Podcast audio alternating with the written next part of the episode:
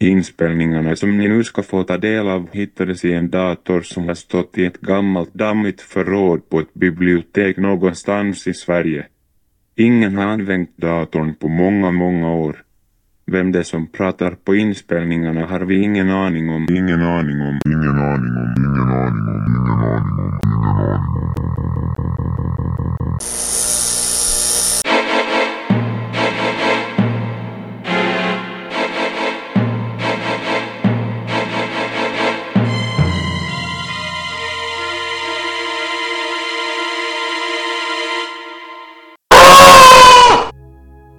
Förlåt att jag skriker.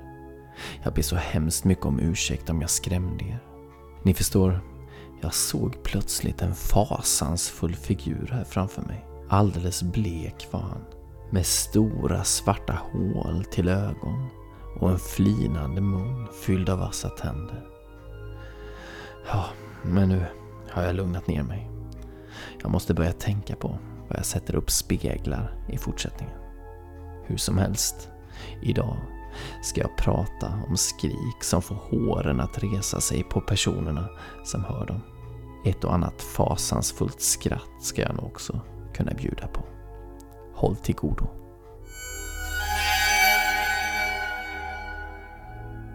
En man som kallar sig Simon H har i flera tidningar berättat om otäcka händelser som han upplevde i ett hus som han bodde i. År 2005 flyttade han och hans flickvän in i ett gammalt hus i den lilla staden Macclesfield i nordvästra England. Redan efter några veckor började märkliga saker att hända. Både Simon och hans flickvän kunde ofta få känslan av att inte vara ensamma. Trots att de visste att ingen annan var i närheten. Ibland kunde de också skymta en ung flicka i ögonvrån men när de vände sig om mot henne var hon alltid borta. En kväll när Simon satt och läste i sängen såg han hur någon stod och kikade i dörrspringen. Han trodde att det var flickvännen och började prata med henne. Han undrade vad hon höll på med. När hon inte svarade höjde han rösten. Då svarade flickvännen nerifrån undervåningen. Simon berättar att han aldrig var rädd för spökflickan. Hon verkade inte elak, men visade sig genom att öppna dörrar och flytta runt saker. Men allt blev lite obehagligare när Simons yngre bror sov över en natt. Brodern vaknade av att hela hans säng i gästrummet där han sov skakade. Det hjälpte inte att han tände ljuset. Sängen fortsatte att skaka. Han tog sig upp ur sängen för att titta närmare på den. Då äntligen slutade skakandet. Brodern inspekterade sängen men hittade ingenting konstigt. Något förvirrad la han sig igen. Men just då han skulle somna drog skakandet igång igen. Det kanske allra mest kusliga inträffade dock när Simon och hans flickvän kom hem efter en två veckors lång semester i USA. Paret hann knappt komma innanför dörren förrän en polisman ringde på. Han berättade att grannar hade kontaktat polis ett flertal gånger under de senaste veckorna. Varför då? undrade förstås Simon. Vi har ju inte varit hemma. Varför har de kontaktat polisen? Jo, sa polismannen. De säger att de vid olika tidpunkter har hört skrik från huset. När de har tittat dit har de sett en ung kvinna som hänger ut genom sovrumsfönstret och förtvivlat ropar på hjälp.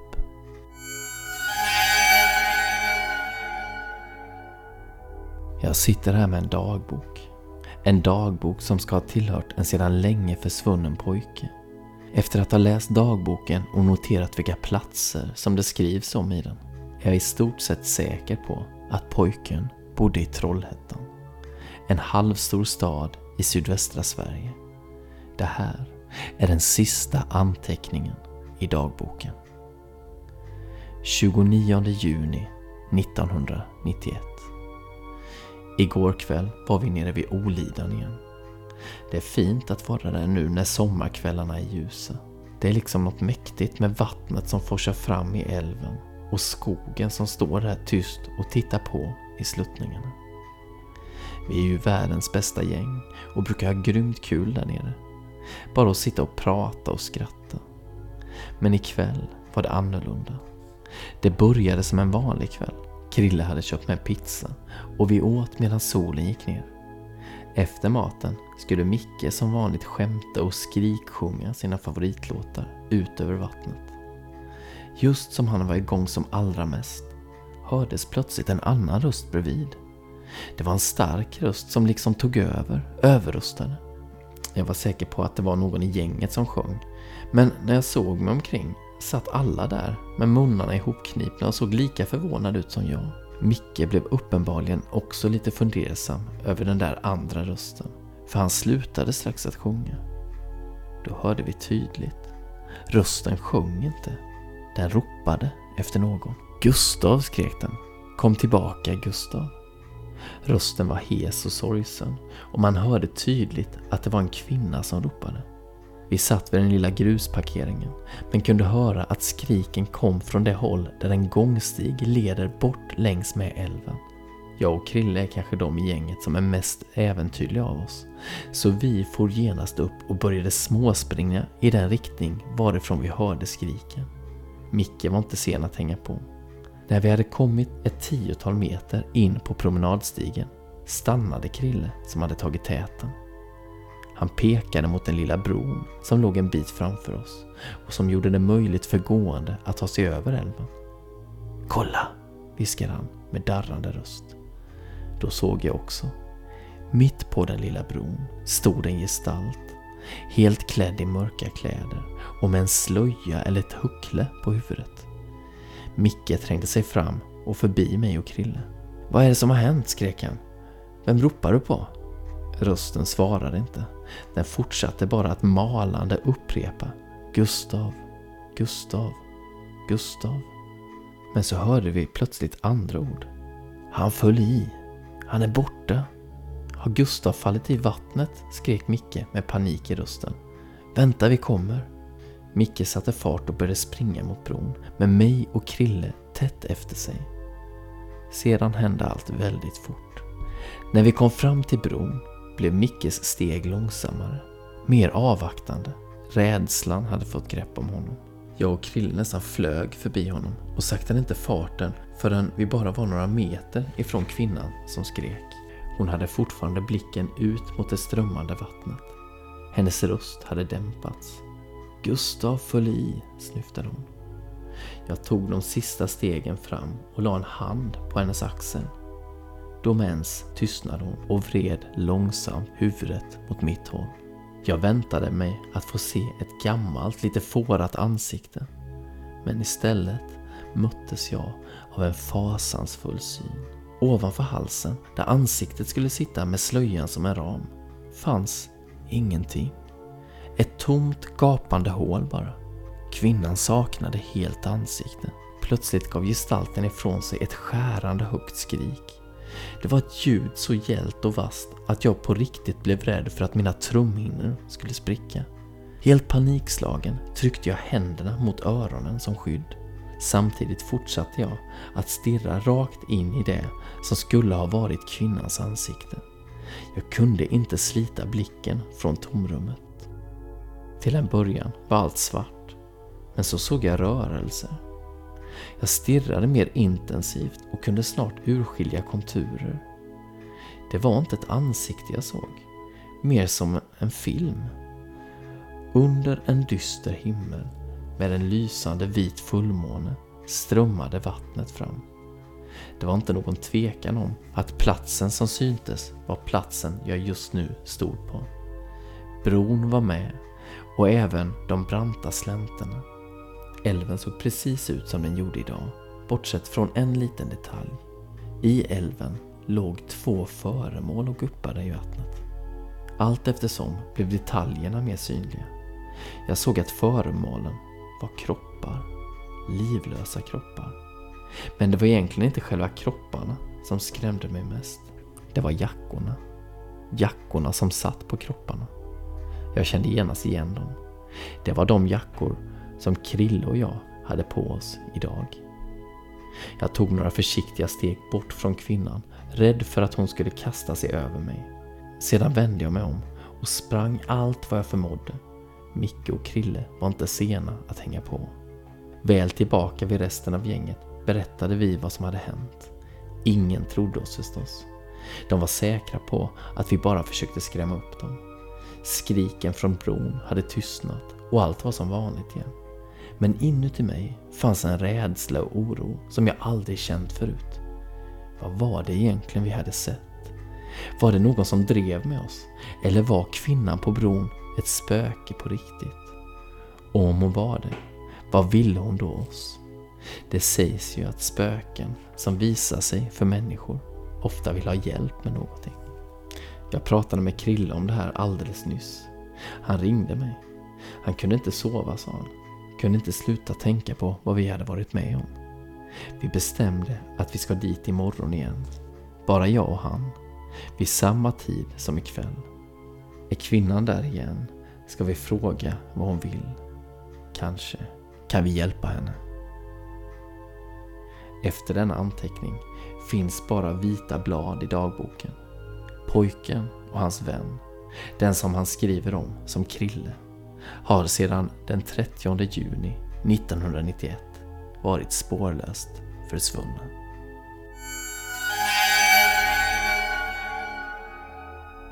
I början av 1900-talet byggde man ut järnvägssystemet runt omkring Niagarafallen i Kanada.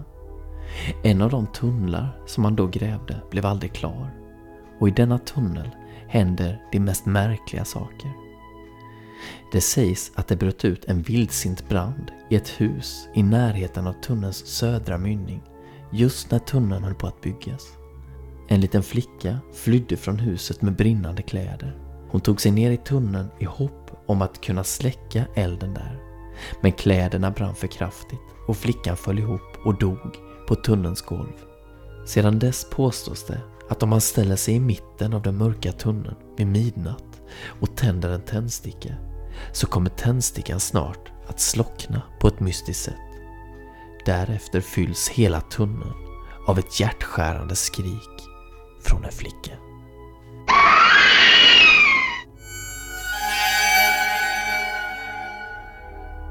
I september 2012 lades ett filmklipp upp på Youtube. Filmklippet påstås vara från 2003 och sägs vara filmat av en övervakningskamera på Wingate Hotel i Illinois. I filmklippet hör vi först obehagliga skrik. Någon i filmen säger att skriken kommer från rum 209 och att detta är väldigt märkligt eftersom inga gäster bor i detta rum för tillfället. Strax därefter dyker en man vid namn John upp i bild. Han är troligtvis vakt och kliver fram till dörren som det står 209 på. Långsamt öppnar han dörren och berättar chockad att tapeterna i rummet är sönderrivna. Duschen står på och möblerna ligger omkullkastade. Ingen levande varelse finns dock i rummet. Men det mest obehagliga och märkliga med filmklippet är att när John just har öppnat dörren till rummet ser man klart och tydligt hur en vitgrå skepnad kliver ut ur rummet. John är helt omedveten om detta, men för oss som ser klippet råder det ingen tvekan om att det är en vålnad som lämnar rummet. Varför denna vålnad ville skapa oreda i rum 209 kommer vi nog aldrig att få veta.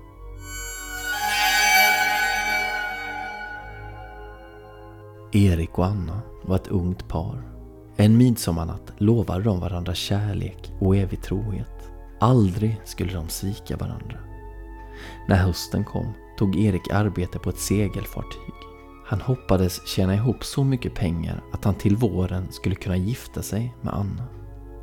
Från början fick Anna brev från Erik. Efterhand kom de allt mer sällan, för att till slut helt upphöra att komma. Anna blev ledsen och orolig och undrade varför Erik inte hörde av sig. Det fanns bara en förklaring. Fartyget måste ha förlist i en storm och Erik hade drunknat. Efter flera år friade Ola, en pojke i grannbyn, till Anna. Anna ansåg sig löst från löftet till Erik och hon sa ja. Erik var ju död. En höstkväll, sju år senare, knackade det på dörren till stugan där Ola och Anna bodde. Anna kände genast igen besökaren. Erik hade kommit tillbaka. Han såg med sorgsna ögon på Anna. Sedan sa han något som Anna aldrig uppfattade och försvann bort i den mörka natten. Nästa morgon fann några fiskare Erik död nere vid havsstranden. Det var samma dag, men sent på kvällen, som Anna för första gången hörde det hemska skrattet. Hon var ensam hemma i stugan och stod i köksvrån och diskade. Plötsligt kände Anna att det var någon som iakttog henne. Hon såg ett ansikte som trycktes mot fönsterrutan. Håret var vått och stripigt. Ögonen stirrade elakt och vast. Så hördes ett hemskt kallt skratt. Anna blev alldeles stel. Ansiktet försvann, men snart hörde Anna fotsteg på trappan. Nu var någon i farstun. Hon såg hur dörrhandtaget långsamt trycktes ner. Dörren gnisslade och öppnade sakta. I dörröppningen visade sig ansiktet med de vilt stirrande ögonen. På nytt hördes det hemska skrattet. När Ola kom hem fann han Anna skräckslagen och utom sig av rädsla. Hon sa att hon hade sett Erik. Erik spökade för dem. Ola bäddade ner henne i sängen och låg tätt bredvid henne hela natten. Ingen av dem fick en blund i ögonen. På morgonen var Anna lite lugnare, men hon vågade aldrig mer vara ensam i stugan. Två veckor senare var Ola och Anna ute på havet och la ner nät. Det var en disig och regnig kväll i början av oktober. Plötsligt gled de mörka molnen isär och månen tittade fram och lyste upp i allt det svarta. Då såg Ola och Anna en eka en bit bort på havet. En man rodde rakt mot deras egen båt. När båten kom närmare vände roddaren på huvudet. Anna kände genast igen Eriks ansikte med det stripiga håret och de elaka ögonen. I detsamma hördes det hemska skrattet som rullade ut över vattnet. Ola rodde mot land det fortast han kunde. Ja, han rodde för livet. De nådde stranden och började springa. Men snart skrapade den främmande båten mot stenarna vid strandkanten. Erik hoppade i land och sprang efter Ola och Anna. Han kom snabbt närmare. Anna kände hur stegen blev tyngre och tyngre. Hon hade svårt att få luft. Nu orkade hon inte springa längre. Hon skrek av skräck och föll. Ola lyckades fånga upp Anna. Ola sprang vidare och Anna hängde livlös i hans famn. Han bar in henne i stugan och låste dörren. Knappt hade Ola låst dörren förrän det hemska ansiktet trycktes mot fönsterrutan. Ola ryckte till sig geväret som hängde på väggen. Han siktade mot fönstret och sköt. Glaset splittrades och ansiktet försvann. Ola rusade ut genom dörren, ut i mörkret.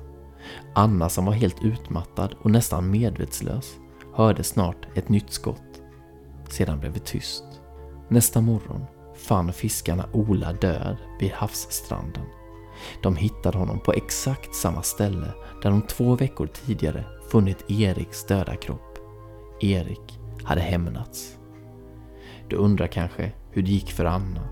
Hon var aldrig mer glad och levde ensam resten av sitt liv.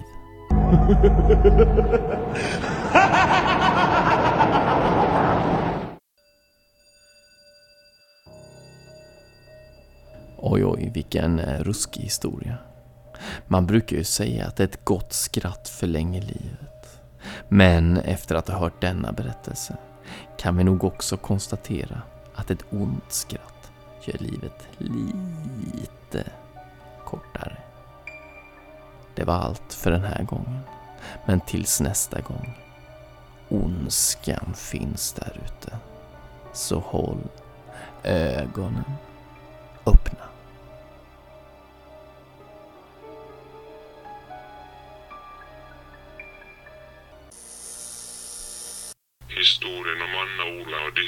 skrattet kan du läsa i boken Kaster och gengångare av Per Gustafsson.